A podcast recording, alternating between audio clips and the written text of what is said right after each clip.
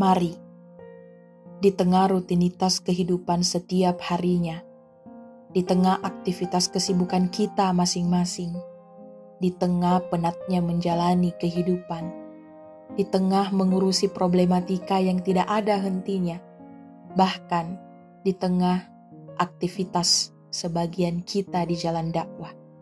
Mari, mari kita menjenah sejenak. Mari, mari kita menjedah sejenak, jedah yang menyempurna.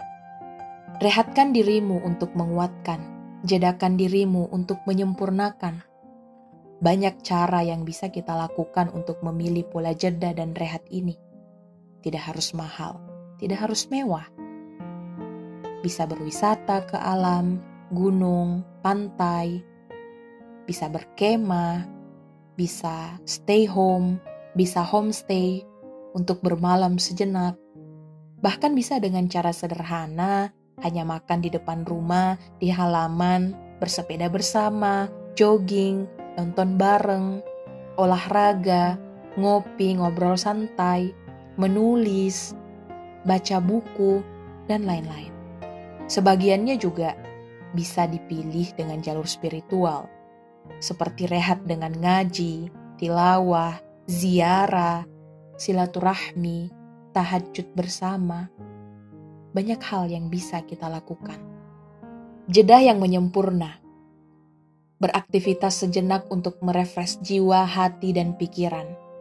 Bahkan relaksasi tubuh agar fresh kembali.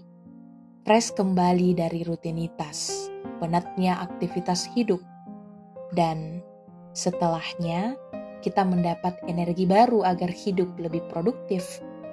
Jedah yang menyempurna dalam istilah solat kita adalah tumak nina. Inilah alasan kenapa dalam solat itu ada rukun yang bernama tumak nina, berhenti sejenak, diam dan tidak terburu-buru bahkan menjadi rukun yang artinya menjadi bagian dari sah dan tidaknya sholat kita. Bagian yang penting dari sholat kita. Aktivitas tumak nina ini dilakukan pada saat ruku, iktidal, sujud, dan duduk di antara dua sujud. Fungsi tumak nina adalah selain untuk memberikan ketenangan jiwa, menghindarkan diri dari segala penyakit batin, serta keresahan dan kecemasan.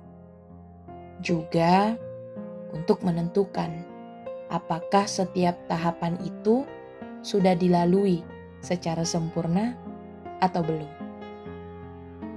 Karena Allah tahu di antara aktivitas sebelum dan atau sesudah tumak nina itu, ada gerakan yang berat yang jika tidak menjedah dulu akan berbahaya bagi yang melakukannya. Dan kalau itu terjadi, lah kan jadi aneh. Solat yang ibadah penting dan utama, tapi tidak menyenangkan. Perintah tumat nina dalam solat mengisyaratkan kepada kita bahwa dalam kehidupan kita, kita juga butuh untuk menjedah. Ambillah jeda yang menyempurnakan.